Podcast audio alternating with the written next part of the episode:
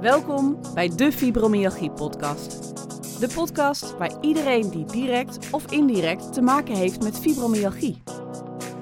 Dit is de plek waar jij ontdekt hoe je een leuk, gezond, positief en vooral zinvol leven kunt leiden als je te maken krijgt met deze diagnose. Ik ben Eline Koenjer en ik ben ervaringsdeskundige. Ik maak deze podcast namens de patiëntenvereniging VES. Dat is de afkorting voor fibromyalgie en samenleving. In deze podcast ga ik in gesprek met verschillende experts op het gebied van deze onzichtbare aandoening. En ik neem je graag mee op mijn zoektocht naar tips, trucs en ideeën om jou te informeren, maar vooral ook om je te inspireren. Ik wens je dus heel veel luisterplezier.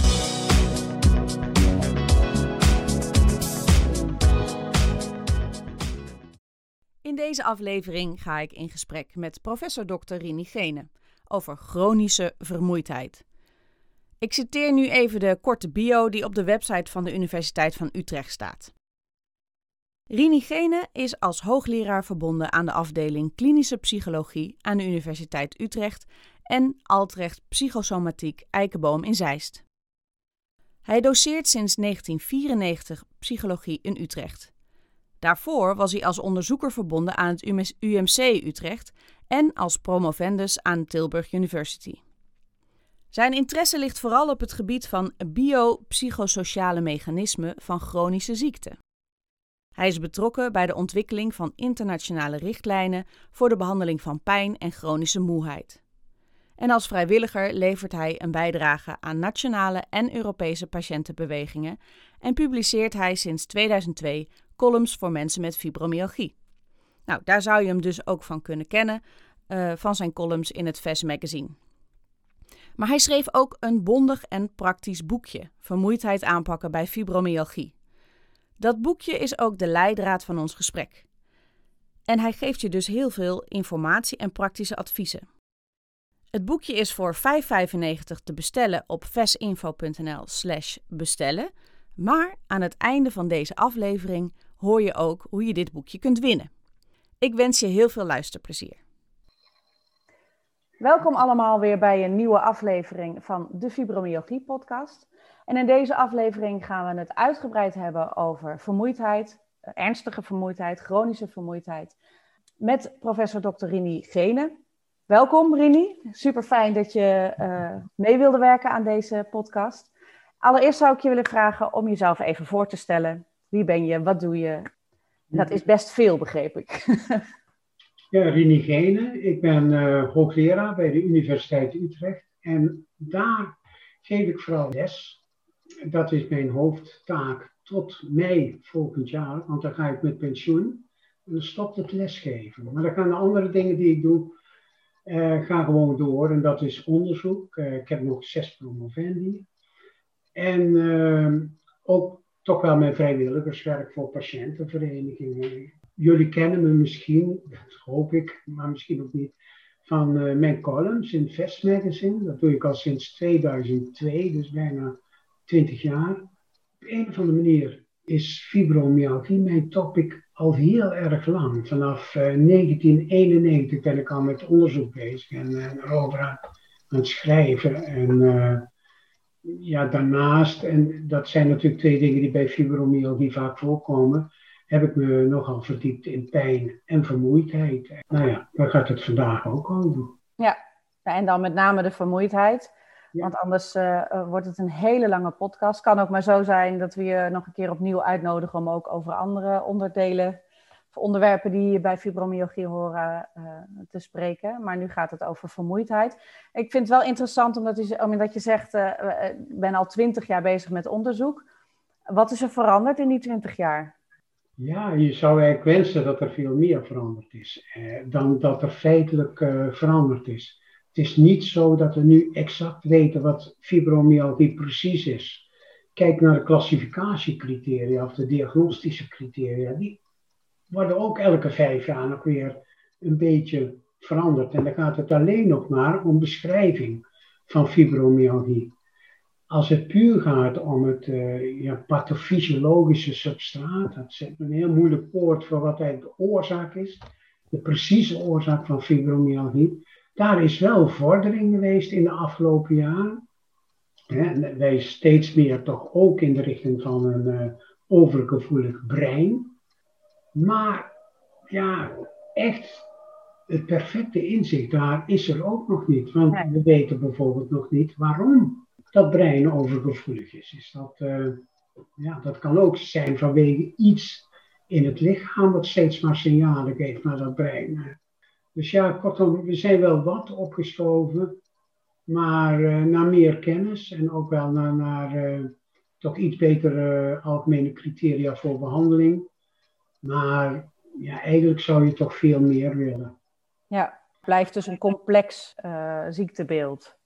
Ja, om eerlijk te zeggen, wat ook een rol speelt, op het moment dat er mogelijke medicijn is of aanwijzingen voor een goed medicijn voor een aandoening, op dat moment wil de farmaceutische industrie ook investeren in onderzoek naar een aandoening. Ja. En dat is bij fibromyalgie niet het geval. Men dacht even aan pregaballine, dat dat het misschien, lyrica heet dat geloof ik in de volksmond. Maar dat was het toch ook niet. En ja, daardoor is er eigenlijk, er is wel wat geld hier en daar vanuit Reuma Nederland, zo, maar het is heel weinig. Dus alles wat we doen, in, in Nederland stelt het bijvoorbeeld al helemaal niet zoveel voor. Ja, sorry voor de mensen die er wel uh, mee bezig zijn. We hebben nu internationaal zijn we nu met een artikel bezig met alle experts zeg maar, op het gebied van fibromyalgie. Ja, dan zie je eigenlijk dat het een klein clubje is. Het internationale clubje is te vergelijken met bijvoorbeeld de, de Nederlandse, ja, eigenlijk nog kleiner dan de Nederlandse deskundigen op het gebied van reumatoïde artritis. Zo weinig. Ja, ja, ja, terwijl de patiëntengroep enorm is wereldwijd. Ja, absoluut. En uh, ja, ja, absoluut.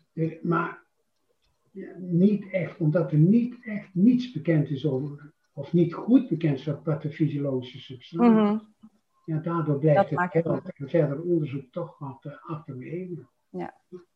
Helaas, uh, we hebben het er nu op dit moment in deze tijd gewoon mee te doen. Uh, dus um, nou, een, een, belangrijk onderdeel bij fibromyalgie, want ik las al 80% van de fibromyalgie-patiënten heeft te maken met ernstige vermoeidheidsklachten, die ook echt het, dagelijks leven beïnvloeden en de dagelijkse activiteiten. En dat is waar we het in deze podcast vooral over gaan hebben. Um, je hebt een heel mooi boekje. Ik laat hem even in beeld zien voor degene die, uh, die de podcast luisteren en bekijken via YouTube. Vermoeidheid aanpakken bij fibromyalgie. Volgens mij zijn er meerdere varianten. Um, die erop aangepast zijn. Want het, want het is eigenlijk vrij algemeen als, je, als er sprake is van ernstige vermoeidheid. Zijn, je hoeft niet per se fibromyalgie te hebben om nu deze tips uh, te harte te kunnen nemen.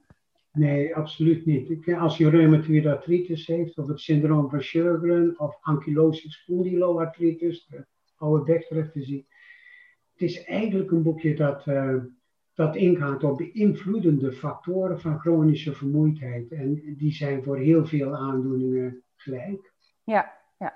want daar, waar hebben we het dan over? Uh, het is overigens een heel compact boekje. Het is te bestellen ook op de website van de, van de VES. Um, maar we gaan er nu eventjes doorheen, praktisch, en dat mensen een beetje een beeld krijgen van wat, wat, hè, welke invloeden zijn er en wat kan ik er dan zelf aan doen. Uh, je hebt een heel mooi uh, model. Ik, ik, laat hem ook weer even in beeld zien. Ja. ja, het is best een belangrijk model, want daardoor laat ik me sturen. Het is, ik, ik noem het wel een kindermobiel model. Hè? Het is zo'n dingetje wat je aan het plafond hangt met allemaal onderdelen eraan. Ja, boven een box of een wiegje. Ja, en als één onderdeel beweegt, dan beweegt de rest ook. Maar al die modellen verschillen. Soms hangt er één groot ding aan en als die beweegt, dan gaat alles als een gek bewegen. En als dan zo'n klein onderdeeltje beweegt, dan beweegt de rest nog niet zo. En soms zijn al die onderdeeltjes even groot, dus dan als je aan zijn één dingetje trekt, dan beweegt ook alles evenveel. Ja. En zo me de, de invloedende factoren van chronische vermoeidheid dus ook voor. Het is voor elke persoon verschillend, zoals voor een kindermobiel verschillend. Voor de ene is de ene factor belangrijk, voor de ander weer een andere factor. En voor sommige mensen zijn alle factoren een beetje belangrijk. Ja. En ja, wat ik, wat ik met het boekje beoog, uh, is om die zeven factoren die ik noem, om die op volgorde te leggen. Eerst voor jezelf. Gewoon na te denken, wat is nou voor mezelf de meest beïnvloedende factor? En dan uh, gewoon te beginnen met het aanpakken van de eerste factor die bovenaan ligt, die waarschijnlijk het meest beïnvloedend is. En dan de tweede en dan de derde enzovoorts. En kan dan onderweg ook blijken dat, dat de factor waar je zelf het meest gewicht aan hebt gehangen, toch misschien niet het meest bepalend is? Ja, dat zou kunnen. Dat, dat zou inderdaad uh, kunnen. Want ja, dat je overigens ook, het is eigenlijk een heel moeilijke vraag die ik stel. Van noem nou de factor die het meest uh, beïnvloedend is. Want ja, dat weet je niet. Dus ja, je hebt een vermoeden misschien, maar je weet het ja. niet uh, zeker. Ja, dat zou kunnen. Het is wel, en uh, nou waarschuwt, zoals ik het in het boekje heb opgeschreven, het lijkt allemaal eenvoudig. Zo'n zo mm -hmm. professor zit het even van afstand wel even te vertellen hoe het zal moeten. Maar ik besef ook heel goed hoe moeilijk het is. Het is eigenlijk veel eenvoudiger als er gewoon een medicijn was dat je één kon nemen. Dat is gewoon tweemaal daags met een water en het is in orde. Het gaat hier juist om dingen die je niet zomaar verandert van de een op de andere dag. Sommige nee. uh, dingen, ja, dat duurt zes of acht weken voordat het een beetje in je gewoonte zit. Ja. En andere dingen nog langer. Dus, uh... Ja, want als ik even voor mezelf uh, uh, kijk, we gaan het zo even hebben over wat dan precies de factoren zijn. Maar als ik ze zo bekijk, zijn ze bij mij ook inderdaad allemaal wel van invloed. Dat geloof ik zeker. Maar welke nu het belangrijkste is. Ik, ik werk eigenlijk ook aan alle factoren wel tegelijk.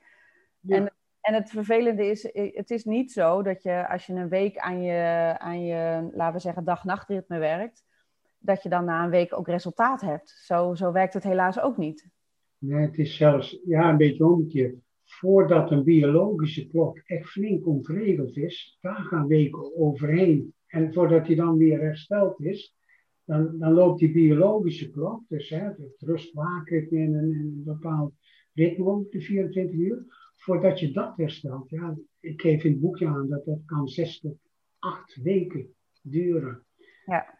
En, uh, en misschien daar maar eens mee beginnen met, met, met dag-nachtritme. Dat, dat, dat is zo'n variabele die, die flink van invloed zou, uh, zou kunnen zijn. Ja.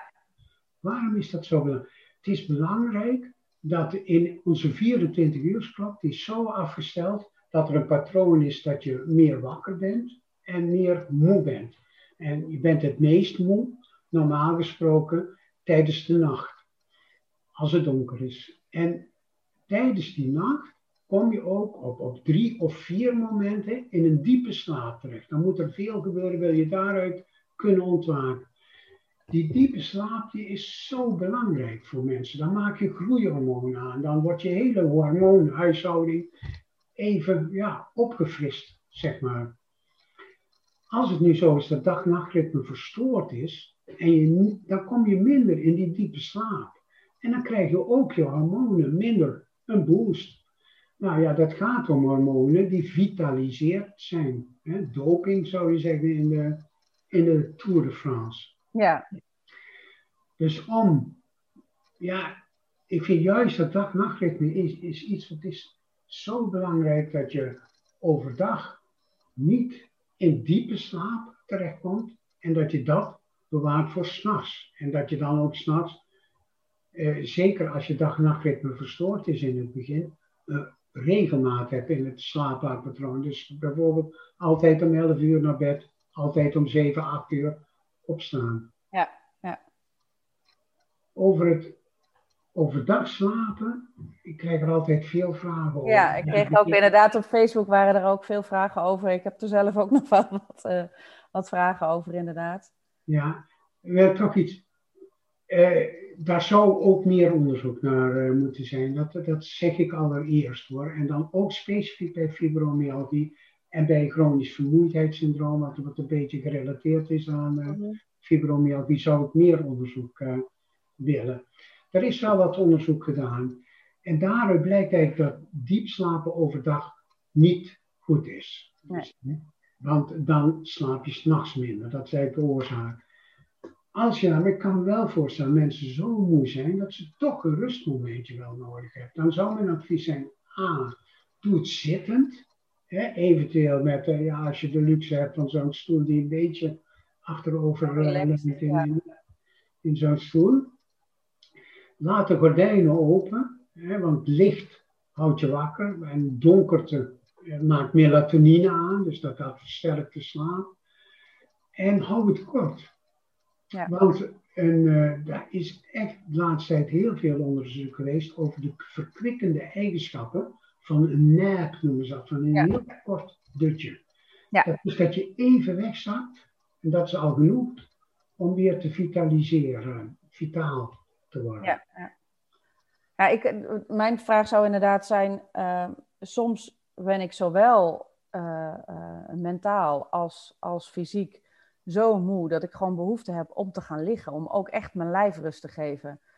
En om dan in een stoel te gaan zitten om een dutje te doen, dat, dat krijg ik denk niet eens voor elkaar.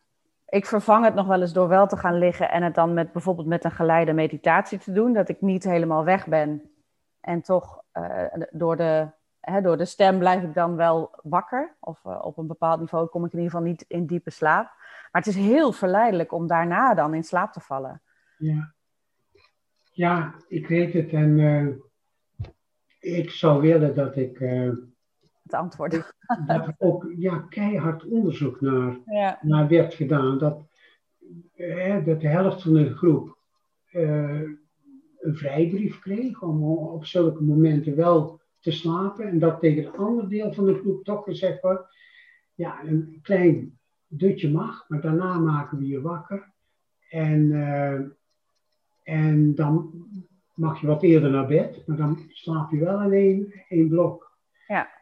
Er is een oud onderzoek geweest waarin ze vrouwen van middelbare leeftijd, en ook mannen, maar dat komt dadelijk op, elke, in de nacht elke keer wakker maakt als ze in de diepe slaap kwamen. Dat kan je zien aan oogbewegingen, die worden dan minder en zitten mensen in diepe slaap. Als ze dat drie, vier dagen achter elkaar deden, dan ontwikkelden vrouwen een fibromyalgie-achtig syndroom. En dat werd dus puur toegeschreven aan het feit dat je niet in die diepe slaap komt, dat de hormonen niet herstellen. En bij mannen werkte dit niet. En dat werkte niet bij mannen, denk men, omdat mannen hebben testosteron, veel meer dan vrouwen, uiteraard. Mm Testosteron is ook een soort van groeihormoon, een vitaliserend hormoon. Je mag het niet gebruiken als je met de Tour de France meedoet. Nee. Dus ja, dit soort onderzoekjes, dat demonstreert het, het belang van diepe slaap s'nachts. En uh, ja. ja. dus probeer het te beperken. Ja, ik kreeg inderdaad een, eh, een vraag van, van iemand die zei: ik, ik, ik heb vroeger wel overdag geslapen, maar ik, ik had echt een verstoord dag-nachtritme. Dus ik ben daarmee gestopt. Maar ik ben overdag zo verschrikkelijk moe. En als ik dan s'avonds naar bed ga, dan kan ik niet slapen. Nee. Ja. Misschien een heel specifiek persoonlijk voorbeeld, wat lastig, maar ik, ik geloof wel dat het vaker voorkomt. Want hoe zou je die diepe slaap kunnen bevorderen, even los van overdag niet slapen? Ja, daar, zijn, daar staan heel veel tips ook in het boekje, maar mijn samenvatting is: zorg dat je overdag wordt blootgesteld aan licht. Dat is goed, want dat uh, activeert. ook overdag moe zijn. Uh, denk even na op welk moment vooral. Uh, dat zou bijvoorbeeld na de lunch kunnen zijn of na het avondeten. Dan even een wandelingetje kan voorkomen dat je echt in die, uh, die moeheid schiet misschien. Zorg voor beweging overdag.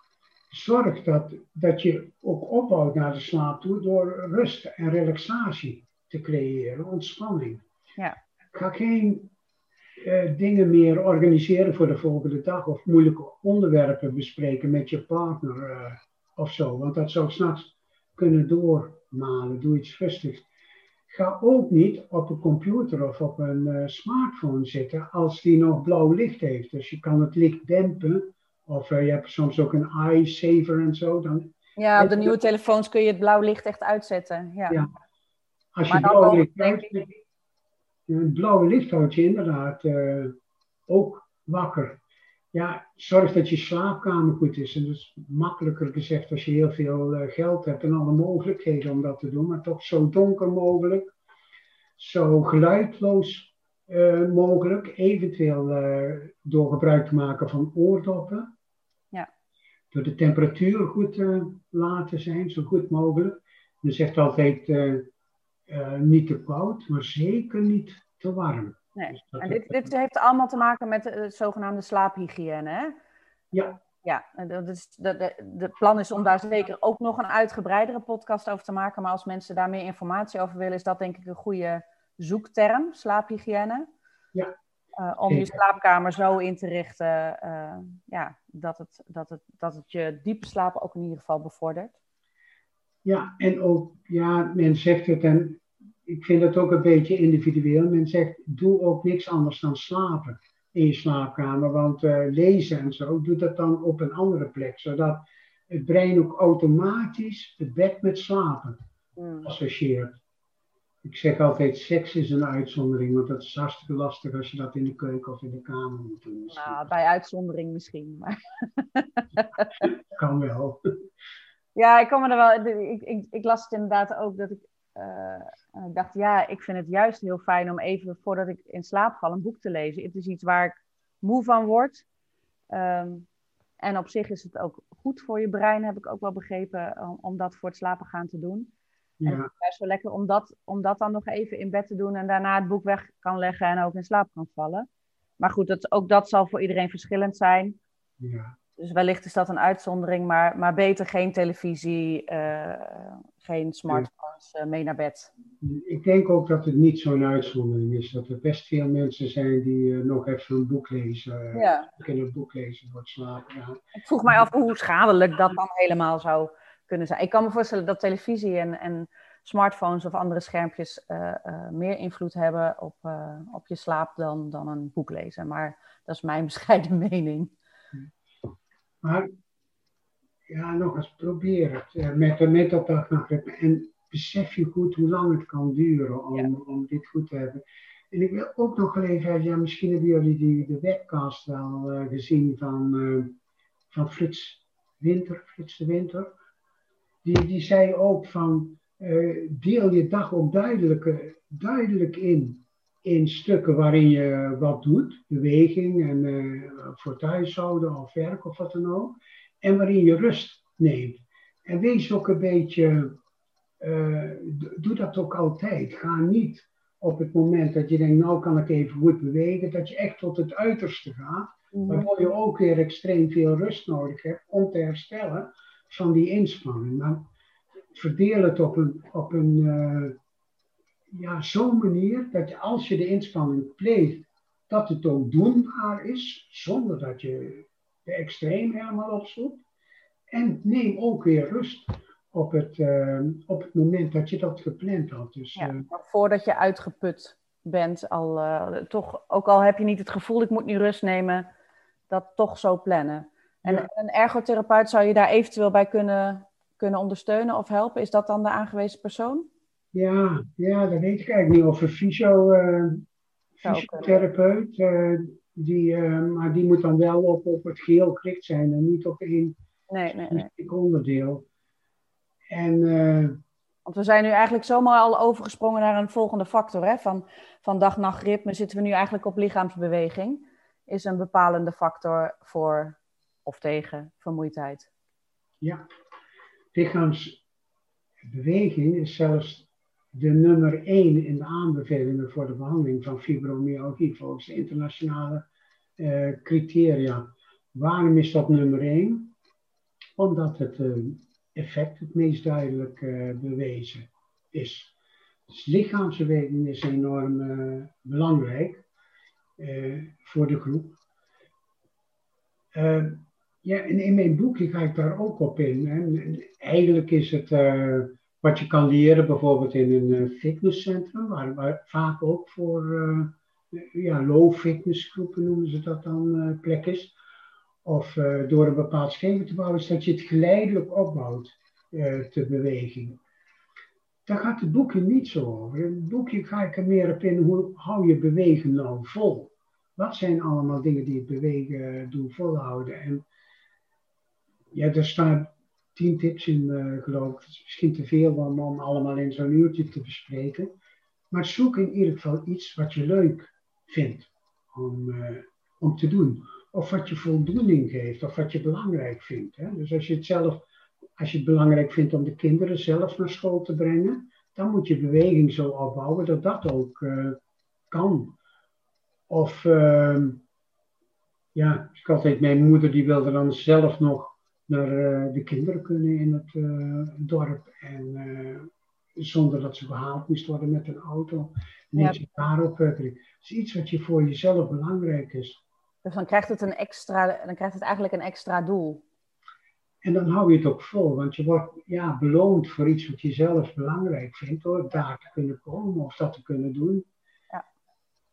En, en het hoeft ook niet intensief sport te zijn, begrijp ik. Het is, het is meer van belang dat je lichaam in beweging is. Dus wandelen of een stukje fietsen. Of, nou ja, uh, het hoeft echt niet, je hoeft echt niet uh, intensief aan de gewichten te hangen of de, de triathlon, triathlon mee willen doen. Nee. Nou, ik ben, ik ben een psycholoog, geen fysiotherapeut, een gedragsdeskundige ben ik. En natuurlijk, als je volgens de richtlijnen zou je een half uur, vijf dagen per week, een half uur per dag intensief moeten bewegen.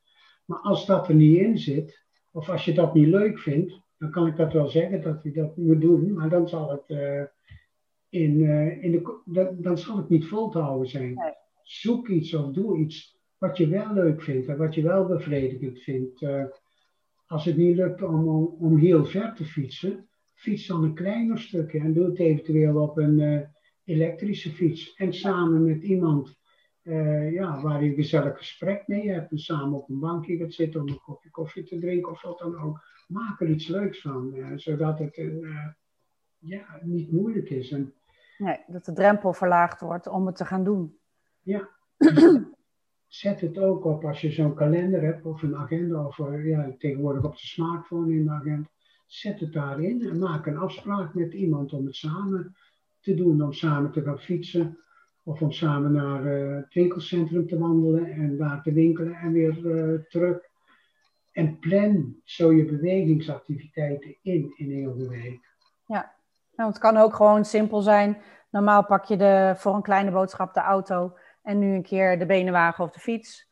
Als de boodschappen ook op die manier, tenminste als ik naar mezelf kijk, um, soms moet ik zoveel boodschappen doen, dan moet het gewoon even met de auto. Hè? Met kratten bier ga ik niet wandelen. Um, maar soms lukt het prima in fietstassen en soms moet, hoeft het maar, uh, uh, kan ik met een rugzak ook toe. Als ik maar niet met, aan één arm bijvoorbeeld een boodschappentas meeneem. Dus dan is het makkelijk om de overweging te maken. hey, kan ik hier, kan ik met wat ik nu toch moet doen, een beetje extra beweging in mijn dag brengen? Excuus. Kikker in mijn keel. exact. En ja, als de bakker, met hier is de bakker 600 meter vandaan. ja, wij lopen altijd. En, dat is dan zo'n afstandje wat ook goed te lopen is. En op de duur is dat ook uh, ja, gezellig. Je kent de mensen die onderweg zitten. Daar, uh, ja, Soms renoveren ze hun tuin. Dan is het interessant te zien hoe dat groeit en bloeit en zich ontwikkelt. Ja. Dus, ja. ik overweeg nog steeds, mijn echtgenoot is er niet altijd blij mee met die gedachte, maar ik overweeg nog steeds om een hondje te nemen, zodat je hè, in ieder geval ook die stok, dat kan ook een stok achter de deur zijn, dat je even de hond moet uitlaten. Ja, honden die komen... Ook weer andere verantwoordelijkheden met zich mee, maar... Ja, een hond komt soms met de riem in de mond naar je toe, omdat je naar buiten wil of later ja. merken. Nou, hetzelfde is ook met, met kleinkinderen bijvoorbeeld. Mijn kleinkinderen die komen hier ook uh, achter het bureau vandaan trekken om naar het speeltuintje te gaan, hier schuin tegenover. En, uh, het zijn allemaal vormen van bewegingen. En, ja ja, probeer je ook te doen op een, uh, ja, op een manier dat je het plezierig vindt en automatisch gaat doen. Ja, dat het bij je past en dat je er plezier aan beleeft, inderdaad. Dat het geen moeten wordt waar je tegenop gaat zien. Dat. En daarom ook wil ik niet dat, dat de mensen sportmensen worden. Want waarschijnlijk ben je geen sportmens, denk ik dan. Veel mensen met fibromyalgie zijn geen sportmensen, want het lichaam staat dat ook niet toe. En als je dan toch als een sportman of sportvrouw gaat gedragen, door steeds door de grens te gaan, dan straf je eigenlijk jezelf. Want dan is het op de duur niet leuk meer. Want je wordt er hartstikke moe van. Je krijgt er pijn uh, van. Stop als het nog leuk is. Maar ga dan wel de volgende dag ook weer aan de gang. Omdat het leuk is. Ja. Nou, het lijkt me, lijkt me een helder... Uh, een helder advies. Ik hoop dat de luisteraars daar ook wat mee kunnen. Uh, in het boekje staat inderdaad uh, staat er nog meer uh, over. En ook over dit onderwerp gaan we zeker nog een podcast maken. Dus eigenlijk alle, alle factoren gaan we nog wel uitgebreider aandacht aan besteden.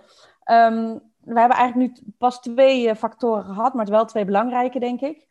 Um, nou, dan hebben we het nog over overgewicht. Um, ja, het is natuurlijk ook, ik, ik merk ook wel als het, als het lastiger wordt om te bewegen en je hebt pijn en je voelt je niet prettig in je, in je lichaam, dat, het dan ook, dat je dan ook weer gemakkelijker aankomt. Dus ik kan me ook voorstellen dat, uh, dat overgewicht wel iets is waar ook onze groep uh, veel mee te maken heeft. Ja. Ja, niet alleen jullie groep. Uh, nee, wereldwijd is het natuurlijk iets wat ik woon hier in Brabant en uh, stond in de krant dat twee derde van de mensen boven 60 overgewicht hebben. Ik ben nog eens op de weegschaal gaan staan en ik hoor daar ook bij. Want het is net boven een BMI van 25 heb je al overgewicht. Het gaat me vooral om, om toch de wat ernstiger vorm van overgewicht. En ja, dat is wel een probleem. Want als je weer teruggaat naar dat mobiel model, wat zo aan het plafond hangt juist overgewicht heeft invloed op, uh, op de slaap. Zorgt ervoor dat je ja, minder goed uh, slaapt. Het heeft invloed op uh, lichaamsbeweging. Het kan ook de pijn verhogen. Pijn is ook weer een factor die, die zorgt voor vermoeidheid, omdat je lichaam gewoon meer moet dragen. De gewrichten moeten meer dragen en dergelijke. Dus overgewicht is toch wel een serieus uh, probleem. En ja, soms heb je gewoon overwicht. Ik snap hoe, hoe moeilijk het is. Wat daar ook nog, maar ook, ook daarvoor geldt eigenlijk een beetje net als bij lichaamsbeweging, wat mij betreft hetzelfde advies. Ga niet rigoureus aan het sporten, zeg ik dan. En dat is met afvallen precies hetzelfde. Pak dat niet heel rigoureus aan, want ehm, dan is de kans groot dat je het maar even volhoudt en dat je op de duur toch weer gewicht uh, toeneemt, omdat je meer gaat eten. Nou, sterker nog, van mijn, uh, van mijn diëtisten heb ik zelfs begrepen dat als je echt crash-diëten gaat doen en in een korte tijd heel veel afvalt, dat dat juist weer extra pijn en vermoeidheid met zich mee kan brengen. Ja, ja ook zoals ook, ja, ook dat inderdaad. En net, ook omdat het je hele hormonale eh, huishouding ook weer op zijn kop gezet wordt. Ja. Nee, kijk eens goed naar wat is nou echt ongezond in, in je eetpatroon. Zit het in, in, in, in veel suikers die je eet, hè? koolhydraten zeggen we dan, aardappels en pasta en, eh, en, dat soort dingen. Ja. ja. Dus is dat al een hele verbetering hè? om die ja, om die te vervangen door een, uh, door een gezonde snack. Uh, ook dat is makkelijker gezegd dan gedaan, is mijn ervaring. Maar... Precies, toch wat meer de light spullen. Misschien drink je heel veel uh, frisdrank en dan niet de light versie. Of alcohol is ook zo'n dikmaker. Ja, en veel eten natuurlijk. Het is, je zegt, veel, je eet ook meer als je sneller eet. Omdat je minder nodig hebt op het moment dat je lichaam aangeeft dat je verzadigd uh, raakt. Ja. Dus als je heel snel en veel eet, en met warm eten eet je vaak uh, wat sneller, want dat gaat makkelijk uh, naar binnen. Brakken en. Ja, probeer wat langzamer te eten. Dus ook daar zijn cursussen voor tegenwoordig. mindful eten, maar geniet van het eten en ook voor het langzaam te doen. Ja. Nou, ook hier, hier hebben we al een podcast over gemaakt uh, uh, met een ortomoleculair diëtiste, die een aantal mooie tips en adviezen geeft. Dus um, zoek die op in de, in de uh, afluisterlijst als je daar nog meer informatie over wilt. Um, dat, ik weet zo even niet welk nummertje het is, maar um, zoveel zijn er nu nog niet. Dus ik denk dat die terug te vinden is als je zoekt op voeding in de lijst, dan vind je die podcast in ieder geval terug. Ehm, dus ja, nou hebben we er. net noemde je wel alvast pijn ook tussen neus, neus, en lippen door. Terwijl dat natuurlijk een belangrijke factor is. Ehm, die van invloed is op ons dagelijks leven, maar die ook weer pijn veroorzaakt. Ik merk zelf wel hoe meer pijn, hoe moeier, uh, hoe vermoeider, hoe meer pijn. Het, het, is toch een soort van wisselwerking. Ja, ja absoluut. En uh, pijn verminderen bij fibromyalgie, dat is makkelijker gezegd dan gedaan. Want er is niet echt een duidelijk medicijn om, om dat te doen. Misschien er nog betere ontwikkelingen zijn in de toekomst. Op het moment valt dat eigenlijk best tegen. Ja. Het is toch zaak om, uh, ja, om, om, te kijken wat je dan wel kunt uh, doen tegen de pijn. Weet, soms bij sommigen helpt medicatie wel een beetje. Ehm, je kan ook dingen zeggen, ja, bijvoorbeeld ergonomische middelen kunnen helpen. Hè. Een elektrische fiets is een voorbeeld uh, daarvan, omdat die, die helpt je bij het uh, trappen, waardoor je knieën en uh, je spieren minder belast wordt en je het langer volhoudt. Ja, in dat soort aspecten moet je ook aan, aan pijn denken om, ja, om te verminderen. Ja, en wie kan, wie kan je helpen om, om te kijken naar pijnbestrijding? bij fibromyalgie? Ja, weet je, in, uh, tot op zekere hoogte gelden alle adviezen die we geven voor vermindering van vermoeidheid, ook voor vermindering uh, van pijn. Dus het zal ook daar gelden. Meer lichaamsbeweging, uh, pak de ziekteactiviteit aan goed dag-nachtritme en slapen. En ehm, voor pijn is er eigenlijk ja, wie kan je helpen? Een reumatoloog zou je zeggen in principe, of een pijndeskundige. Maar die gaan, ik denk dat het advies toch zal zijn in eerste instantie, probeer het met paracetamol en uh, voor sommigen helpen insights. Maar echt ja. medicamenteus is er niet zoveel aan te doen. Op dit moment zijn er wat uh, onderzoeken naar ja, cannabis dus eigenlijk, de opioïden. Uh -huh. Tot op zekere hoogte is dat misschien wel veelbelovend. Maar ook daar zou ik zeggen, ja, let wel op en wacht het ook even af. Want uh, uh, het gaat er ook om hoe je het tot je neemt. Hè, met uh, olie of inademen ja, ja, en al dat soort dingen. Ja. Ik heb zelf ook wel wat ervaring met pijnstilling. Ik heb inderdaad een, een antidepressivum voorgeschreven gekregen dat ook wat pijnstillend werkt. Die krijg je dan in een lage dosering. Ja. Daar heb ik dan een periode wel wat baat bij gehad en daarna uh, ja, zwakte dat weer af. Wat paracetamol betreft, uh, merk ik dat ik inmiddels een, een, verslaving heb ontwikkeld. Ik kan eigenlijk niet meer zonder. En dat, dat uh, zal misschien ook voor veel mensen herkenbaar zijn. Dus uit eigen ervaring zou ik ook zeggen, wees voorzichtig met, uh, met pijnstilling. En zeker als we het ook nog over zwaardere middelen hebben dan, um, dan paracetamol vermoed ik dat het meer schade toebrengt dan dat het je echt iets, uh, iets oplevert. Tenzij het een tijdelijke, een acute pijn is. Dat is denk ik nog weer wat anders dan echt je chronische dagen. Ja, ik noem dat maar. Ik heb, ik heb dagelijkse pijn, die herken ik wel. En soms schiet het in mijn rug of heb ik ergens, uh, of heb ik even knallende hoofdpijn. En dan, daar neem je dan wat voor. Maar niet eens voor die chronische pijn doet eigenlijk niks echt iets. Is dat, is dat herkenbaar? Is dat, zeg ik dan uh, iets waars?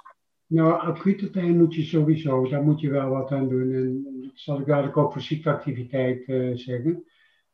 Ik wil nog heel even ook nog op die antidepressiva terugkomen. Dat is inderdaad ook wel goed onderzoek naar verricht, bijvoorbeeld amitriptyline. Ja.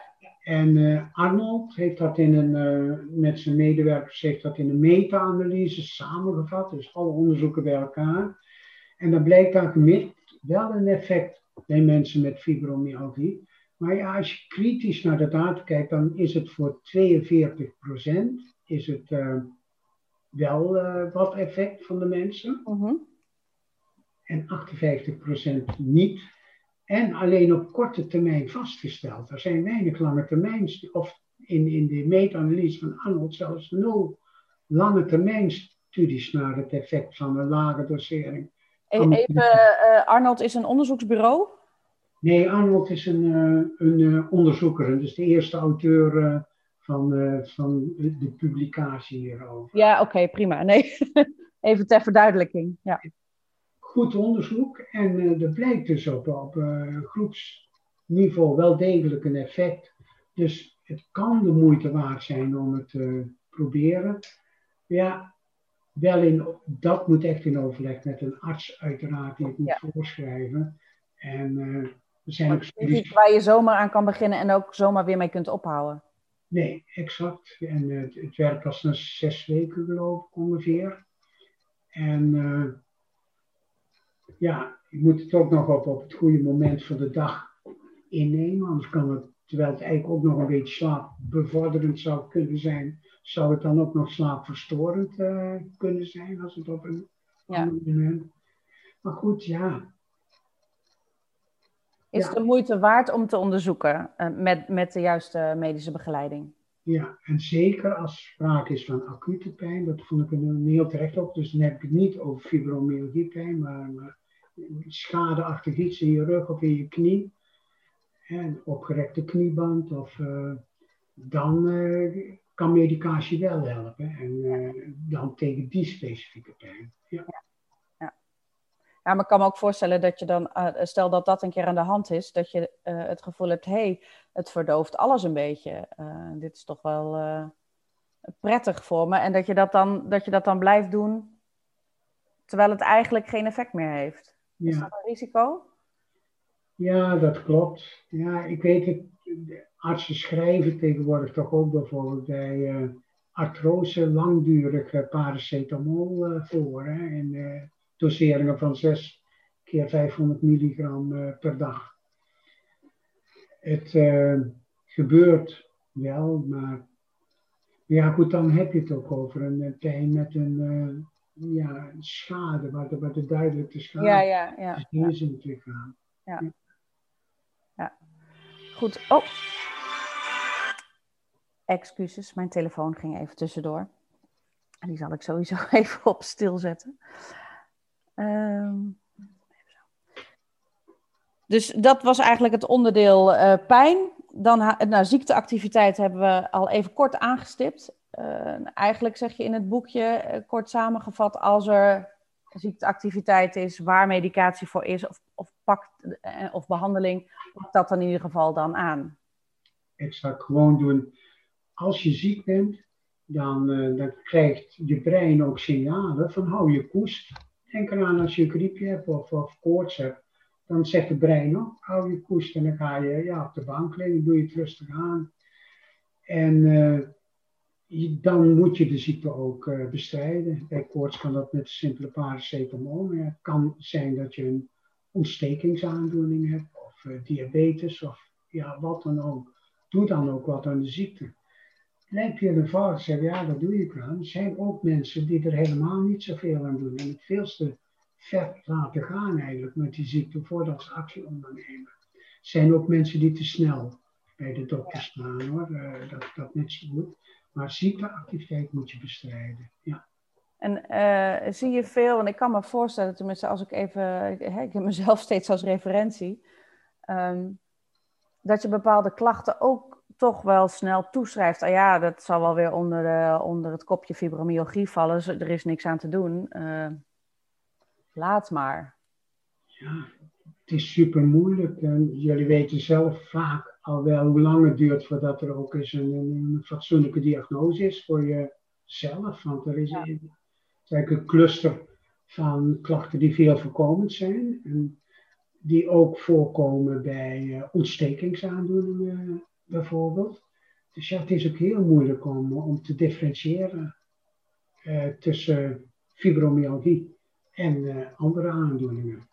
En wat is dat, kan je een, een algemeen advies geven van, ja, maar als er dit of dit aan de hand is, ja, tuurlijk, als we het hebben over koorts of dat soort dingen, dan moet je aan de bel trekken. Ja, nou, als, als de pijn heel duidelijk gelokaliseerd is op een bepaalde plek, dus ik kenmerk het voor fibromyalgie, is wel dat de pijn echt in het hele lichaam zit. Ja. Links en rechts, boven en, onder. als dat niet het geval is, iets anders het geval is, dan, dan is dat wel een waarschuwingssignaal. Uiteraard is koorts ook een waarschuwingssignaal. En ja, dingen zoals gezwollen gewrichten die ook een andere, ja, wat roder kleur krijgen. Dat duidt ook op, op een ontstekingsaandoening. Ja. En, en ik neem aan, als, er, als er iets aan je lichaam uitvalt, is dat ook natuurlijk altijd een indicator om aan de bel te trekken. Ja, absoluut. Ja. Uh, ja, dan hebben we eigenlijk nog twee, twee uh, factoren. Um, en een belangrijke is emoties en negatieve gedachten. Ja, ik heb het er ook zo neergezet, omdat maar emoties en negatieve gedachten hebben we allemaal. Laten we daar eerlijk over zijn. Maar het gaat erom natuurlijk van, ja, zijn ze ook echt hinderlijk voor, uh, voor je functioneren? bij emoties heb ik het dan over uh, depressieve stemming, angst. misschien ook wel ernstige angst om te bewegen of naar buiten te gaan of wat dan ook. Dat zijn zaken die aangepast moeten worden, want ja, dat zijn stressoren voor het lichaam. En die zorgen ook dat je fysiologie, hormoonhuishouding, eh, anders wordt het stresssysteem constant op scherp staat. Negatieve gedachten, ik heb zo'n fotootje in het boek staan. Van als je ernaar kijkt, dan weet je dat je voor de gek gehouden wordt. Want je ziet één heel groot mens en één heel klein. Degene die meekijken. Ja.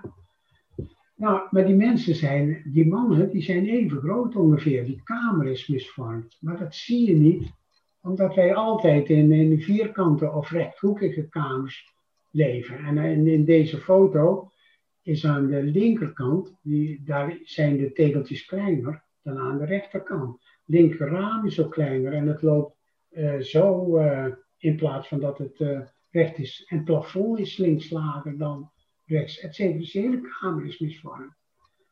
En als ik dat zo uitleg, dan kan je wel begrijpen waarom je ziet dat een man groter is dan de ander, maar je ziet het eigenlijk nog steeds, als je naar die foto kijkt, dat je ene man groter is dan, dan de ander. Dus zo is het ook al met negatieve gedachten.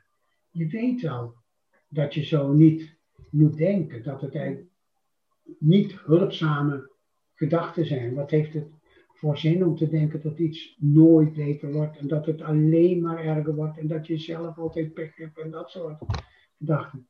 En toch denk je ze vaak automatisch. Is dat een automatisme waar je kan niet zomaar de knop omzetten? Nou ja, als dat het geval is, dan kunnen psychologen helpen cognitieve eh, bijvoorbeeld. Wil ik misschien nog iets meer vertellen over uh, moderne ontwikkeling? Dat zit meer in, uh, in mindfulness en acceptatiegerichte therapieën. Dat is eigenlijk totaal anders dan de oude cognitieve therapie. Die zei je moet niet negatief denken, maar positief denken. En mindfulness zegt nee, je moet elke gedachte die je hebt toelaten en je niet tegen verzetten. Dus gewoon laat in je komen wat in je komt. En dat geldt ook voor alle zintuigelijke ervaringen. Zoals pijn bijvoorbeeld of vermoeidheid. En in mindfulness therapie leer je op den duur op een stoel te zitten en te zeggen, laat die pijn maar over me komen. Dus je verzet je niet langer. En dat helpt opeens, hoe precies dat weet ik niet, maar schijnbaar helpt dat een beetje om het alarmsysteem in het brein, wat verantwoordelijk is, een pijnsignaal afgeeft, om dat wat uit te, uit te schakelen. Ja, ik heb zelf ook inderdaad ervaring met uh, ACT, noem je ook in het boekje, Acceptance and Commitment Therapy. Mhm. Eh, en ook met andere bewegingstherapieën. Wat ik zelf wel heb gemerkt is dat uh, verzet geeft spanning en stress. Dus letterlijk, als je ergens tegen verzet, dan moet je kracht gebruiken. Ja. En op een of andere manier, als je kan ontspannen in, oké, het is er. En dat klinkt echt veel makkelijker dan het is. Maar door die ontspanning wordt het minder dat het er mag zijn. Dus dat je het verzet daarin loslaat. En dat is in heel veel activiteiten, ook als je iets, uh, als je iets een fysieke activiteit moet doen die je bang maakt, bijvoorbeeld op hoogte iets doen of klimmen of wat dan ook, is mijn ervaring ook dat ik dan spanning op mijn spieren zet, waardoor ik het niet kan volhouden. Terwijl op het moment dat je uh, erin kunt ontspannen, ademhaalt en even loslaat, blijkt dat je het toch wel kan. Ja, exact. Dus voor sommigen kan het helpen. Wij zijn nu bezig met een, een artikel uh, met, met internationale experts op het gebied van fibromyalgie, waar wij ook naar compassie kijken. En uh, we zeggen ja, en in Portugal, in Coimbra, zijn we zelfs bezig met een experimentele uh, behandeling van fibromyalgie. Met compassietraining. Compassie is een moeilijk woord, maar dat betekent eigenlijk dat je mededogen hebt met jezelf. Dus dat je jezelf niet veroordeelt voor allerlei dingen. Dat is iets anders dan jezelf zielig vinden, hè? Dan je zelf... Dan jezelf zielig vinden. Ja. Nee, compassie is uh, dat je jezelf in ieder geval niet veroordeelt. En dat doen sommige mensen, en ja, lang niet, niet specifiek voor fibromyalgie, maar sommige mensen veroordelen zichzelf heel erg om, omdat ze hebben hè, fibromyalgie, waardoor, ze, ja, waardoor ik niet goed voor mijn gezin kan zorgen en mijn gezin op die manier op vakantie moet, omdat ik niet op een andere manier op vakantie, weet ik wat. Ik wil het niet te concreet, maar het zal voor iedereen verschillend zijn. Maar dat je jezelf en misschien ook anderen in de omgeving, in de maatschappij, ja, moeilijk iets kunt vergeven of zo. Dat je, blijft zitten met, met een soort van wrok naar jezelf en naar andere mensen. Dat noemen compassie. En uh, ja, wij denken dat dat ook uh, een gunstig effect kan hebben voor sommigen. En laat dat duidelijk zijn voor alles wat ik vertel. Hè. We hebben het gehad over bewegen en uh, overgewicht, de dag nacht.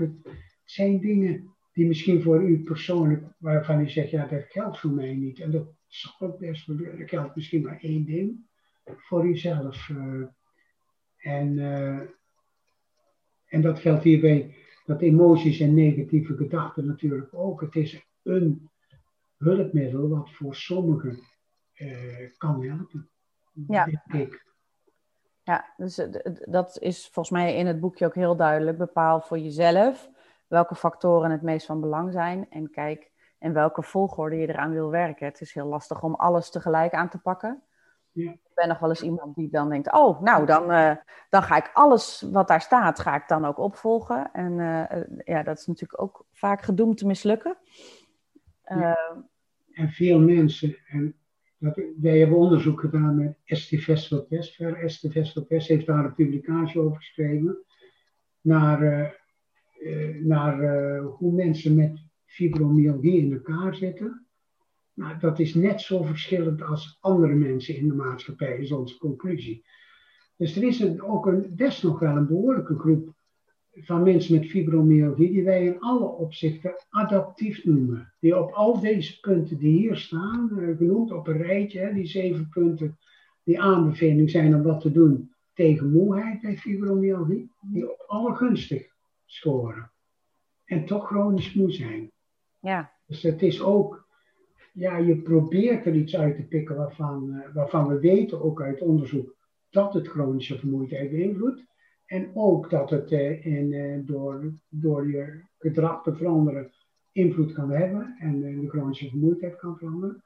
Maar ja, er zijn ook mensen die, die fibromyalgie hebben, chronisch vermoeid zijn en wel in gunstige zin ja. op deze eigenschappen. En daar is toch die vermoeidheid een feit. Het is niet zo dat het ja, helemaal. Per definitie, als je al, al die factoren positief hebben beïnvloed, dat je dan van je chronische vermoeidheid. Helaas is dat niet het geval. Nee. Uh, maar het is zeker het proberen waard om die factoren onder de loep te nemen en om te kijken wat je er zelf aan kunt doen. Absoluut, ja. En laatste factor is de meest, uh, uh, hoe zeg ik dat? Ja, dat is een andere invloed. en dat, dat kan natuurlijk van alles zijn. Um, ik neem aan dat, ik, ik kan me voorstellen dat stress bijvoorbeeld een, een een, een factor zou kunnen zijn als je stress ervaart? Ja, stress zit ook wel een beetje onder emoties en negatieve gedachten natuurlijk. Maar ik kan me voorstellen, ja, werk bijvoorbeeld. Het kan zijn dat je werk zo is ingericht dat dat een uh, instandhoudende factor voor uh, vermoeidheid is. Dat je eigenlijk uh, ja, gebaat zou zijn met, met een ander werkpatroon. Meer verdeeld over de week. Of met rustmomenten tussenin. Of ja, wat dan ook. Als, als dat het geval is, dan ja, moet je eens gaan praten met de bedrijfsarts of, of je manager. en, ja. en kijken of het niet een beetje veranderd kan worden. Ik noem in het boekje geloof ik ook onbegrip ervaringen van uh, mensen. Ja, als je het hebt over stress, voor sommige mensen is uh, het ervaren van onbegrip zo'n beetje de grootste stressor die ze hebben in het leven. Omdat ze er doorlopend mee uh, geconfronteerd worden. En als dat zo is, dan kan het als, als bron van stress ook invloed hebben op vermoeidheid. Ja. ja. In dat geval zou ik ja, dan moet je er wat aan doen. Je kan zeggen, ja, de wereld moet veranderen. En dat is ook zo. Ik, ik, hoop ook altijd dat de wereld verandert en dat alle mensen vriendelijk en empathisch zijn. Ja. Maar dat is gewoon niet zo. Dus je moet ook zelf nog wat veranderen om te proberen daar dan wat aan te doen. Wat, wat, want dat, die vraag kreeg ik wel. Hè? Wat, um, wat zou je zelf kunnen doen om begrip te kweken? Ik vind het zelf heel moeilijk uit te leggen. Mijn, mijn partner vraagt ook wel eens, ja, hoe, leg het dan eens uit, hoe voelt dat dan? Ja. het is zo moeilijk om daar woorden aan te geven. Het is ook best wel een subtiel even. Allereerst moet je aan anderen laten, ja, duidelijk laten weten wat je hebt, hè, wat, wat fibromyalgie inhoudt. En dat je dan ook vermoeid bent en niet altijd kunt bijhouden en dat soort dingen. Maar het is wel een subtiel evenwicht tussen dat keer op keer tegen iedereen vertellen of helemaal niet vertellen. Het zit ergens in het midden, de waarheid. Je moet het een keer goed duidelijk kunnen uitleggen, maar er ook niet elke keer op terug hoeft te komen, want dan ja, haken mensen ook af. Dan, dan denken ze dat je zeurt of je aanstelt of zoiets. Dat is het laatste wat we willen meestal. Ja, dus, maar wel als je onbegrip ervaart, laat het in ieder geval weten aan die persoon dat je het als onbegrip ervaart. Dat is vaak al genoeg om de persoon het, gedrag te doen uh, veranderen. Als dat nog niet voldoende is, dan, dan kan je aan de persoon vragen om het gedrag uh, te veranderen. Van wil je dat niet meer uh, zeggen? Probeer het op een vriendelijke manier te zeggen, dan komt het goed. Of, want ik kan daar uh, kraken van overstuur, een beetje. Als dat allemaal ook niet lukt, ja, dan zit je toch aan, uh, aan de kant van dat je moet uh, accepteren. Ja. Dat anderen onbegrip hebben. Kijk, je moet het niet je eigen probleem maken dan. Maar je moet proberen te accepteren dat mensen nu eenmaal zijn zoals ze zijn. Sommige mensen zijn zoals ze zijn. Maar er zijn wel genoeg mensen die als je ze erop aanspreekt wel willen veranderen. Ook al durf je dat misschien niet zo. Maar ja, open, openheid heeft dan uh, uh, toch wel een gunstig effect, heb ik ook wel ervaren. Waar ik het nu ook over heb, is mensen die wel begrip hebben, maar het nog steeds moeilijk vinden om het te begrijpen. Dat klinkt misschien een beetje raar, maar die echt wel zien dat je vermoeid bent, maar uh, dat het heel lastig is om te ontdekken van hé, hey, maar een uur geleden lukte dit nog en nu ben je uitgeteld. Of, maar en wat voel je dan? Wat is dan uitgeteld? Iedereen is natuurlijk wel eens moe. Als je een avondje hebt doorgezakt, dan ben je wel eens moe. Maar chronische vermoeidheid is toch een. Hè, als je dagelijks opstaat met het gevoel van ja, het, het is er niet. Ja. En de dag moet doorworstelen. Uh, dat, is, dat is zo moeilijk uit te leggen hoe dat, uh, hoe dat voelt. Mensen gebruiken natuurlijk een eigen referentiekamer. En, uh, en zij zijn gezond. En zijn dan ook wel eens moe. Zeg nou, dan rust je even en dan is het weer over ja, ook dat kan je in de uitleg betrekken. Chronische vermoeidheid is inderdaad iets anders. En dat los je niet op met even rusten en dat soort zaken.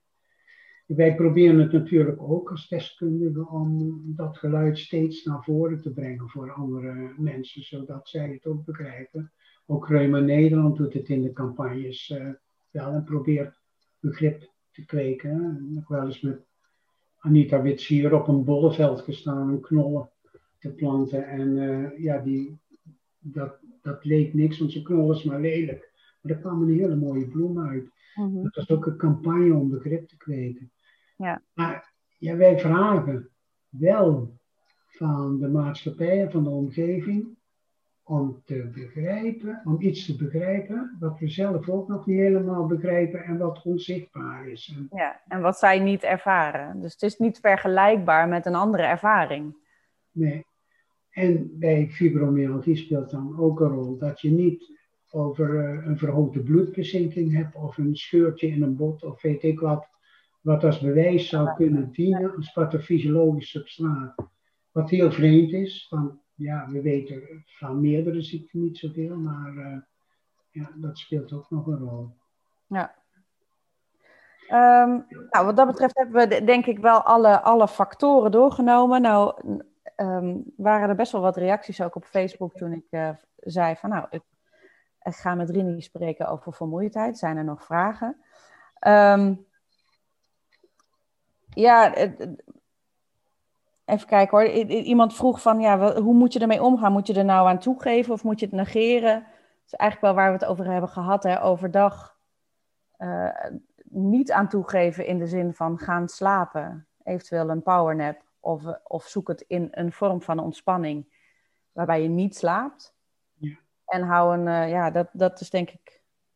Een regelmatig patroon, zoveel mogelijk over de dag heen van, van dingen doen, als dat mogelijk is. Want als je jonge kinderen hebt en zo, dan is vaak niet zoveel nodig. Maar toch probeer het zo regelmatig mogelijk leefpatroon te hebben. Dat je brein ook wendt aan die structuur, is dat is een hè, ritueel en, en uh, continuïteit is daarin uh, ja, opstarten, ja, opstarten, aan de gang blijven, misschien met een beetje wisseling over de dag heen. En dan langzaamaan weer uh, gas terugnemen in de avond naar de nacht toe. Zodat je echt s'nachts op, op je rustpunt zit en overdag op je activiteitspunt. Ja. Nou, ik heb hier een aantal vragen die inderdaad ehm, eh, nog weer te maken hebben eigenlijk met de andere klachten die bij fibromyalgie horen over vastzittend bindweefsel en, en pijnklachten. Uh, die zou ik toch willen bewaren voor, uh, voor een andere aflevering. Um, heb ik dat net. Eh, ja, hoe kan het? Het staat hier wel dat je overdag zo vreselijk moe bent, maar s'nachts nog steeds niet kunt slapen. Dus dat je niet overdag gaat slapen, je daar dus eigenlijk aan houdt, ook een vast dag-nachtritme hebt en toch, dan zijn er dus kennelijk andere factoren die je uit je slaap houden. Eh, is dat een correcte conclusie? Of? Ja, dat is heel, ik vind het heel moeilijk te beantwoorden dat ik een persoon niet ken en dan ook het hele, patroon natuurlijk. Maar uh, misschien zit het antwoord al een beetje in de vraag vervat. Dat overdag steeds moe zijn lijkt misschien tot rust. En uh, waardoor toch s'nachts die, die slaap niet komt. Dus dat je, ja, als je zou gaan kijken naar de hormoonhuishouding dat je ook niet duidelijk het patroon ziet van dat de melatonine laag is gedurende het dag. En melatonine is het slaaphormoon gedurende de dag en dan weer gaat stijgen naar de avond en de nacht toe. Maar ik durf het niet zo duidelijk te beantwoorden, want het is ook wel, ja, sommige mensen misschien een ADHD-achtig uh, patroon. En dat zijn als je dan uh, uh, moe bent, dan word je juist actiever omdat uh, je moeheid betekent dat je voordeel in je brein niet meer zo actief is in de controle van het middendeel van je brein. Het middendeel van het brein, daar zit een beetje een soort van activiteit of hyperactiviteit uh, in. Maar ja, ook daar zou dan het advies zijn om, om ja, wel gewoon die hele goede dagindeling proberen na te streven. Ja. ja. Nou, de rest is inderdaad vrij specifiek uh, en net niet binnen ons. Uh... Nou, ik, hier staat wel, ik krijg vaak te horen dat je er niet aan toe moet geven, omdat je alleen maar lui wordt. Dus als je aan je vermoeidheid toegeeft, word je eigenlijk alleen nog maar luier of vermoeider of je daarmee voedt dit klinkt heel stoer, moet ik eerlijk zeggen. En daar zit, is ook, zijn mensen die, die geven niet toe aan uh, pijn en uh, moeheid. Die gaan maar door totdat ze erbij neervallen. Of ze. Uh, nou ja, we, we zien dat sommige topsporters, we hebben bij de vrouwelijke wielrensters staan met name voorbeelden van Marianne Vos en Leontien van Moorsel, dat die in het verleden ook een fibromyalgie-achtig uh, patroon ontwikkelden. Nou, dat waren nog eens die waren nergens aan toe, die gingen door tot het uiterste om, uh, om hun lichaam tot de grens te brengen, zodat ze prijzen konden winnen. Maar er is ook een grens aan, uh, aan wat je kan. Dus al te veel, ja, maar doorgaan en doorgaan, dat kan ook heel nadelig werken. Ik zou zeggen, halen de scherpe toch vanaf en proberen een wat geleidelijk leven te leiden. Ja. Als dat wordt bedoeld, mensen met, met ja, niet toegeven aan. Nou, dit is, dit is, ze geeft inderdaad aan uh, um, dat ze dat vaak te horen krijgt. Van je moet er niet aan toegeven, je moet er doorheen. Maar eigenlijk hoor ik in alles samenvatten dat het toch om, om een persoonlijke balans gaat. Ga, ga op zoek naar wat, wat voor jou werkt. Ja. En uh, uh, ja, laat je daar eventueel in, in adviseren of, of helpen. Van, uh, vind een balans tussen dag-nachtritme en beweging en goede voeding. Nou ja, eigenlijk alle factoren die we, die we behandeld hebben. En kijk voor jezelf wat je, ja, hoe, je daar, hoe je dat wat positiever kunt maken voor jezelf. En wat voor jou werkt. Ja, en zoeken de dingen uit die, waarvan je denkt dat, ja, dat is mogelijk een instandhoudende factor voor mij. Ja. Dus ik, toch kan ik nog wat meer opschuiven naar een gezonder patroon op een of andere manier. Ja, ja. ja helaas uh, kunnen we het niet heel veel concreter maken dan dat. Nee, en ja, laat dat nog eens gezegd zijn. Het duurt dus ook wel even voordat je zover bent dat het werkt. Hè? Gewoon je fysieke activiteit toenemen en dan op zo'n manier dat het deel van je leven wordt. Of je dag-nachtritme verandert. Dat zijn dingen die kosten echt tijd. Ja. schrijf in ieder geval duidelijk op je kalender of in je agenda wat je wilt doen.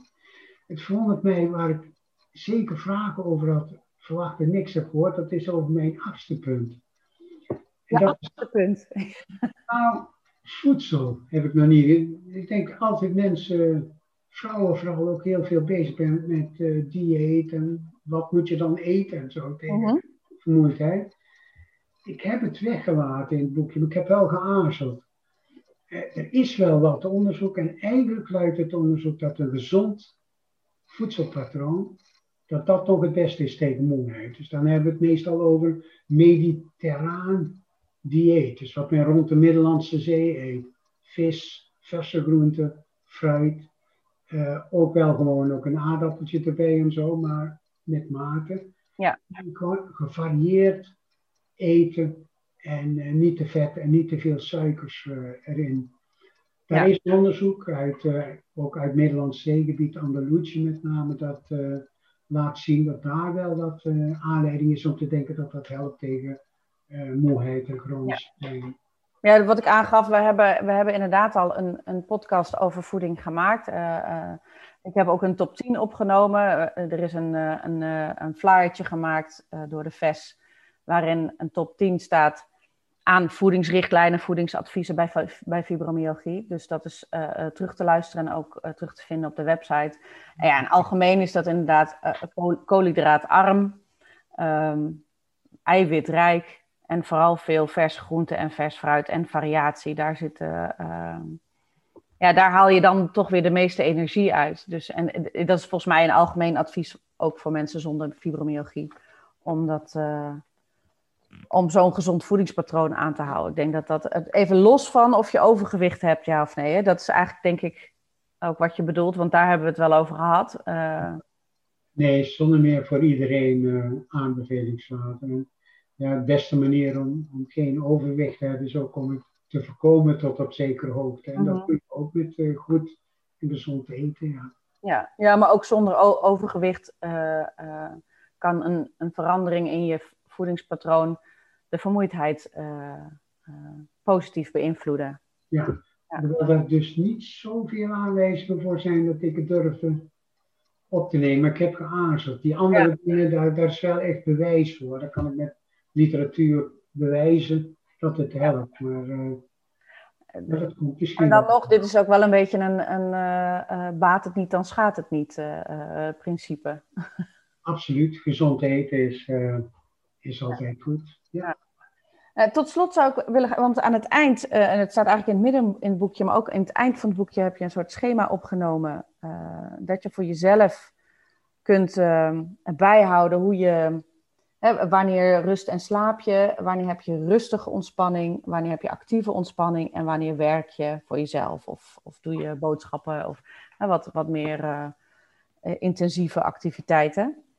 Uh, om zo te komen tot een actieplan waar je dingen zou kunnen veranderen. Is, dat, is, dat is aan te bevelen om het op die manier in kaart te brengen en vervolgens daar een actieplan aan te hangen? Ja, absoluut. En allereerst om het goed in kaart te brengen, dan ook te bedenken, ja, wat, hoe wil ik het nou zelf anders hebben? Hè? En, of en eventueel nog te bespreken met je partner of een goede vriendin of wat dan ook, van hoe zou het anders kunnen, dat het gezonder is. En dan inderdaad een actieplan maken. En met, uh, ik ga nou vaste tijd uh, naar bed, 11 uur gedurende zes weken. Ik uh, probeer mijn dagindeling sowieso te maken. En zet het eventueel dus op de kalender, dat je het ook echt gaat doen. Ja.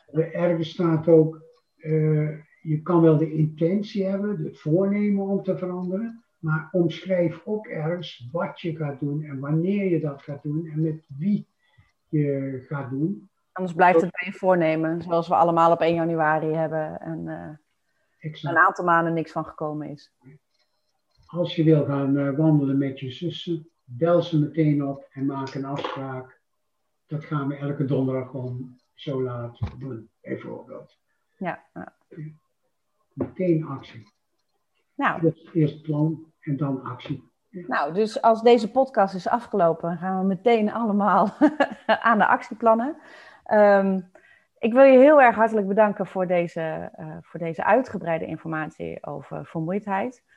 Ehm, ik hoop dat de luisteraars er wat aan hebben en uh, de tips ter harte nemen. Nogmaals, het boekje kan uh, besteld worden via de website van VES, vesinfo.nl. Um, en is ook te winnen, uh, maar dat, dat hoor je straks hoe je, dat, hoe je daar kans op kan maken. Voor nu, nogmaals heel erg bedankt en wie weet tot een, tot een volgende keer, want vermoeidheid is niet het enige onderwerp waar je heel veel over weet. Uh, dus ik kan me zomaar voorstellen dat we nog een keer op herhaling gaan. Uh, als jij dat ook leuk vindt. Wie weet, graag gedaan van u. Dankjewel. Zo, lieve luisteraars, dat was wellicht een vermoeiende aflevering. Of heb je er juist energie van gekregen en wil je aan de slag gaan met je vermoeidheid? Misschien wil je dan het boekje van Rini wel graag hebben. En zoals gezegd kun je dat bestellen op vesinfo.nl/slash bestellen. Maar als je een mail stuurt naar podcast@vesinfo.nl met als onderwerp vermoeidheid, dan maak je kans om een exemplaar te winnen. Zet dan wel even je contactgegevens in de mail zelf. En laat ons vooral ook weten wat je van de podcast vindt. Misschien heb je vragen of opmerkingen of ideeën voor een aflevering. Jouw input is meer dan welkom. Heel graag tot de volgende.